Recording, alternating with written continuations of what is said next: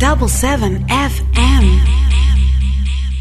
Ja, er is veel te vertellen over Sophie Redmond. Ja, er is veel te vertellen en dat, en, en, dat, dat we nu wat meer over Sophie te vertellen hebben, komt allemaal door uh, mevrouw dokter Sylvia Kortram.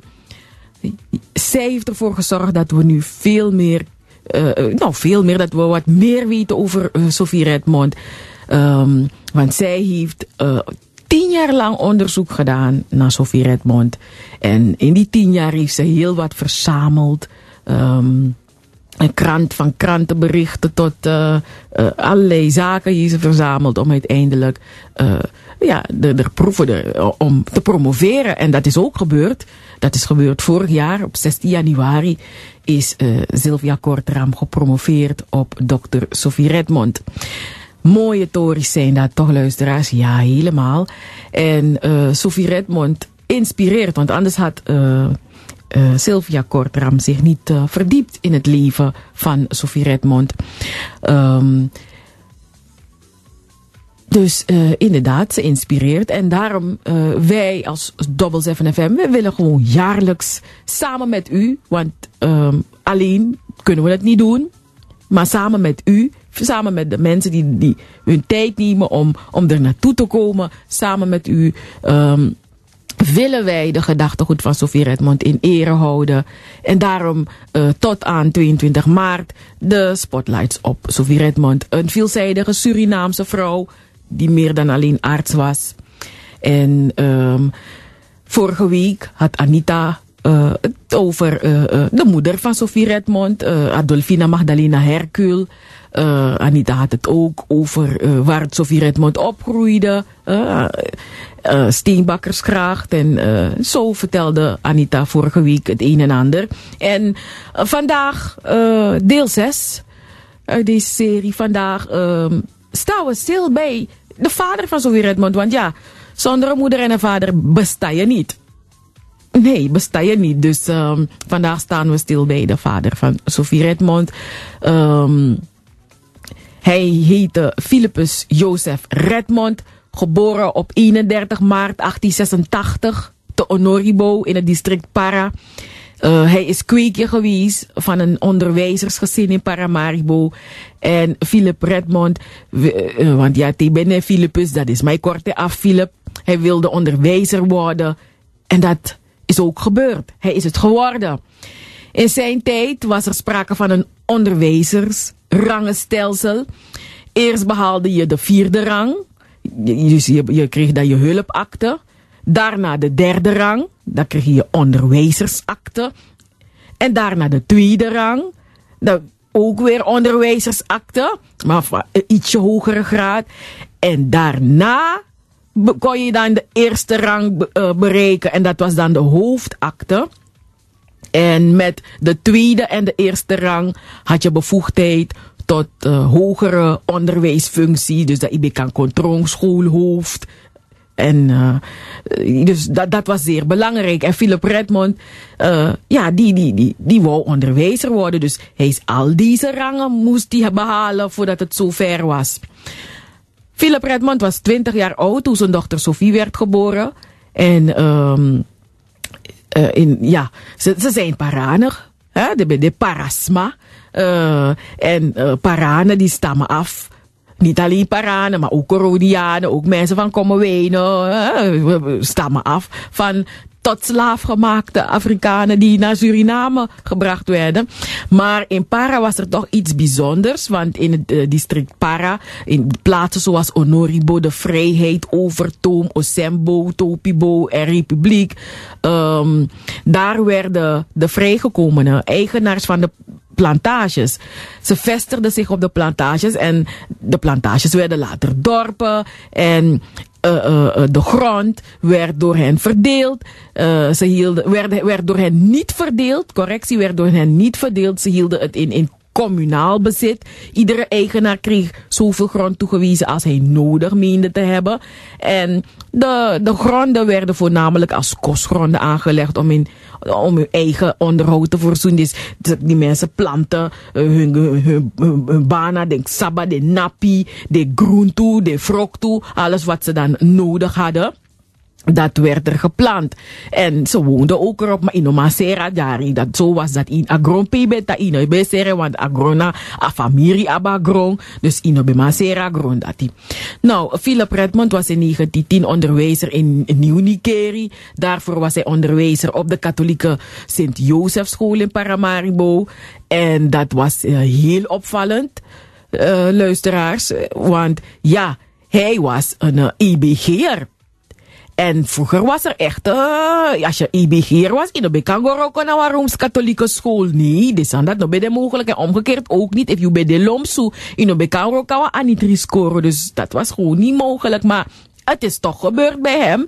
Uh, ja, hij is een, uh, hij, hij, hij, hij, heeft gewerkt op een Rooms-Katholieke school. Um, uh, en hij is schoolhoofd geweest in Paradise. Uh, in, in, dat is in Nikeri. En ook in Totnes, Coroni. En in Paramaribo was hij hoofd van de Oranje School. Maar we gaan even terug naar die tijd in die districten in Nikeri en Coroni. Het leven in de districten buiten Paramaribo was in die tijd vrij primitief. Hè? Het waren de, na 1910, de, de, de jaren 1910 tussen 1920, da, was het leven vrij primitief. Paramaribo had veel meer te bieden. Logisch, Paramaribo was een stad, stadje. en in Nikeri moesten schoolgaande kinderen, ze moesten hun schoenen uittrekken als ze naar school liepen. Want die straten waren modderpoelen. De, san, de straten no ben de geasfalteerde straten de wan dat die na na na na modderpoel na san passie modder het alleen kon dat toko toko. En uh, ja, als die kinderen dan op school waren aangekomen, dan moesten ze hun voeten wassen, want in kan gos doen a, toko toko in een lokaal. Dus dan moesten ze hun voeten wassen en dan konden ze hun, hun schoenen weer aandoen. Dus eigenlijk je schoenen waren alleen voor op het terrein van de school. Maar als je naar school liep, dan af je bepot is zo in wasaka of in je, tas. Zo, zo ging dat. Maar aan de ene kant, dat is zo, bij hoor mooi lang, want dat ino bij, als letage, dan ben je zo, zo heavy. ik zit weer te denken aan de uh, bezuinigingskant. Ine kan me kan zes zo, alleen voeten koru. Maar goed, we gaan, we gaan terug in 1900. Mm. Maar die vader van Sofie Redmond, die trok het niet. Weet je, dat, dat primitieve leven in de districten. Nee, hij trok het niet, luisteraars. Dus vanwege deze situatie keerde Philip terug naar Paramaribo met zijn gezin. En uh, ja, voor onderwijzers was het niet aantrekkelijk om in de districten te werken. Want er waren geen mogelijkheden om verder te studeren. Dus ja, en niet iedereen was in de gelegenheid dat kennissen uh, uh, studieboeken konden sturen voor ze. Want het duurde ook weer een aantal dagen voor ze bij door zo'n district. Want dan, dan botte go, als aan bij de ene over een brug. Zo ver waren we nog niet. Um, nou, en mooi om te vertellen is dat uh, de, de eerste Creoolse onderwijzer uh, in, in Suriname was uh, de heer Johannes Hendrik Nelson Polane. Ja, hij was de eerste Creoolse onderwijzer en dat was in 1912. Hij was de eerste die de eerste rang in het onderwijs in Suriname behaalde. En uh, mooi toch, luisteraars? Ja, ja, dit is maar bij vooruit. En op 23 mei 1922, toen was het uh, het moment voor Philip Redmond, want toen slaagde hij voor zijn eerste onderwijzersrang. En hij is ook schoolhoofd geweest van de Koning Wilhelmina School. Uh, en in 1939 beëindigde Philip Redmond op 53-jarige leeftijd zijn onderwijzersloopbaan als schoolhoofd van de Wilhelmina School. En um, in de avonduren gaf hij ook les aan aankomende onderwijzers op de neutrale normaalschool. En de neutrale normaalschool was de kweekschool, zoals we dat in de volksmond kennen, de kweekschool. Um, dus hij gaf dan in de avonduren les aan toekomstige onderwijzers. En Philip Redmond was lid van de kerkenraad van de Wanika-kerk. Ja, de Wanika-kerk ja, bekende, oké, van de bekende kerken in Suriname. En hij was ook voorzitter van het Hernuttercomité te Paramaribo. En het Hernuttercomité was het, het hoogste gezag in kerkelijke aangelegenheden. Want voorzie, Anitribe, Anitribe, de was een mooi biggie kerkie. Heel veel mensen waren Anitri. maar ja, ik weet niet hoe het nu is hoor, luisteraars. Ik denk nu, mensen zijn uh, gemoderniseerd. Ze zijn met andere dingen bezig. Um, of er zijn andere stromingen nu gekomen. Um, en uh, wat mooi was ook aan Philip Redmond is dat hij een complete boekenwerk bezat uh, over de IBG in verschillende talen, dat in verschillende talen gepubliceerd was. En hij was ook een kenner van het burgerlijk wetboek. Uh, hij was een verwoed verzamelaar van kranten, van periodieken en alles wat met politiek, gezondheid en, en, en maatschappij, samenleving te maken had. Um, en hij uh, uh, verzamelt alle die dingen. Jongen, die dingen reikten tot aan het plafond. Dus zoveel kranten en, en documenten verzamelde die man. En alles was gestructureerd. Alles was, je kon alles, hij kon alles terug, netjes terugvinden. Want aan bij een datum, een volgorde, een alfabetische volgorde. Dus een, uh, Akil is nog grap. hij maakte echt geen grap. Um, en hij had, hij had dus een brede juridische kennis. En hij was een vraagbak voor familie, vrienden, buurtbewoners. En um, hij had zelf een kantoor op de bovenverdieping van zijn woning. En Oesaptaka woning bij de, aan de Steenbakkersgraag. Later Dr. Sofie Redmondstraat. En uh, uh, Philip Redmond bij lobby debatteer.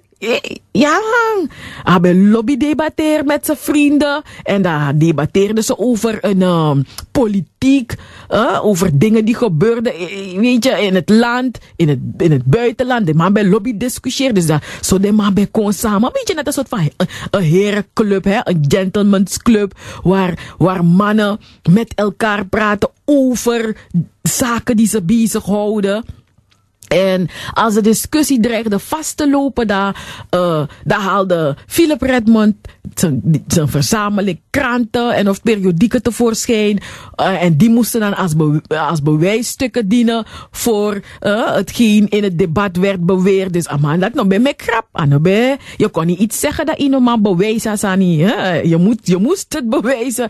En uh, je kon niet zomaar dingen gaan roepen, want het moest staven. ik, ik, ik, vind die man, hij leeft niet meer, maar man, die zie je de wang.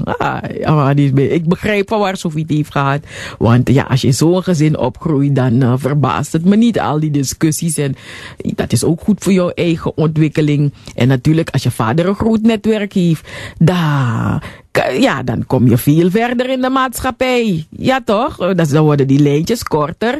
Maar als je niet, als je niet zo'n actieve, uh, maatschappelijk geëngageerde familie hebt, of, of, of die, die, die, ja, dat, dat de lijnen lange. Dus Sofie had minder lange lenen, korte lenen waren er.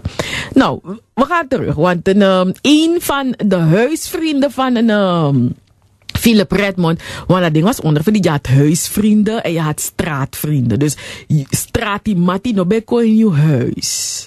Zo so, huisvrienden beko in je, in je thuis. Zo als aan bij, bij city. En, uh, maar een van zijn huisvrienden was Julius Koenders. Ja, u hoort het goed. Tata Koenders. Ja. En hij zat ook in het onderwijs. En dus zo Philip Redmond aan Julius Koender. Also, de man bij debatter. De man bij debatter. De man het krantie bewijs. Die dat die de leg uit. Die mannen wisten wat debatteren was. Want die, die dat man maar debatteren. De kies at die bron. De bijin kossie. maar deze mannen die konden toen nog wel. En uh, het gezin Redmond Hercule. Uh, ja, ze werden gerekend tot de goed gesitueerde Kriolen. En ze hadden gemengde, een gemengde vriendenkring. Van volksklasse tot elite. Dus ja, die mensen hadden hun netwerk. En uh, Philip Redmond, um, ja, aangezien hij een Paraan was geboren in Para, uh, hij, was, hij was ook aandeelhouder van uh, Honoribo. Um, Honoribo was een, was vroeger, vroeger, heel lang geleden, een houtplantage. En hij hield ook regelmatig vergaderingen met uh, andere mede-aandeelhouders. En Philip Redmond heeft de bauxiet-kwestie uh, in uh, Honoribo en de vrijheid onder de aandacht gebracht van het publiek. Hij heeft artikelen erover geschreven, gepubliceerd in de krant. Um, want beide plantages waren rijk aan bauxiet. En uh, met zijn krantenartikelen wilde Philip Redmond um, mensen bewust maken van de bauxietrijke gronden eh, die op een listige manier waren geroofd van ongeletterde uh, weet je, eigenaren.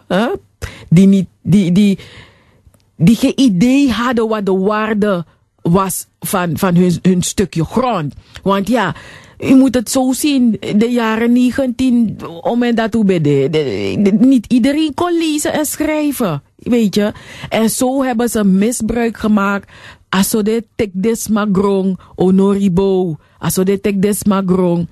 Desma teken, desma no sapsa de teken. De mange legde uit van ja, je kan tekenen desma. E bribi desma, de teken. En aso desma grong. Ja, ze hebben er niets van over, aan overgehouden. Um, nou ja, Philip Redmond en uh, ja, die, die, die, die vergaderingen waren ook niet makkelijk. Want nou, tijdens een van die vergaderingen is uh, Sophie Redmond overleden. Of ja, niet, niet echt letterlijk daar, maar ja, daar is ze onwel geworden en uiteindelijk akkoord dede. Maar Philip Redmond stierf in uh, het hospitaal. Hij was uh, 77 jaar oud geworden en hij overleed op 21 augustus 1956. En hij werd begraven naast zijn uh, overleden echtgenote Adolfina Magdalena Hercule. Ondanks het feit dat hij later dat hij een jaar nadat zij was overleden getrouwd was, toch de Bering, zie eerste vrouw, e, eerste vrouw aan Atro. En uh, dat was uh, in het kort. Want er is, natuurlijk is er veel meer te vertellen over deze, deze meneer. Maar tot zover het gedeelte van uh, Philip Redmond, de vader van Sophie Redmond. En dan weten wij nu ook van waar Sophie Redmond haar inspiratie heeft gekregen. En doordat zij geïnspireerd is geworden door deze vader van haar, die zo sociaal-maatschappelijk bewogen was, uh, is zij geworden dat de vrouw, zoals wij haar kennen van de, de, de, de verhalen, Sophie Redmond, die ons nog steeds inspireert, 60 jaar na haar dood. Tot zover Sophie inspireert en uh, heel veel van de informatie wat u bij ons voorbij wordt komen. Um, is afkomstig uit het proefschrift van dokter Sylvia Kortram, meer dan arts alleen. Um, de maatschappelijke betekenis van huisarts Sophie Redmond in laat-koloniaal Suriname. Double 7 FM. Er is maar één origineel. Eén origineel. Double 7 FM.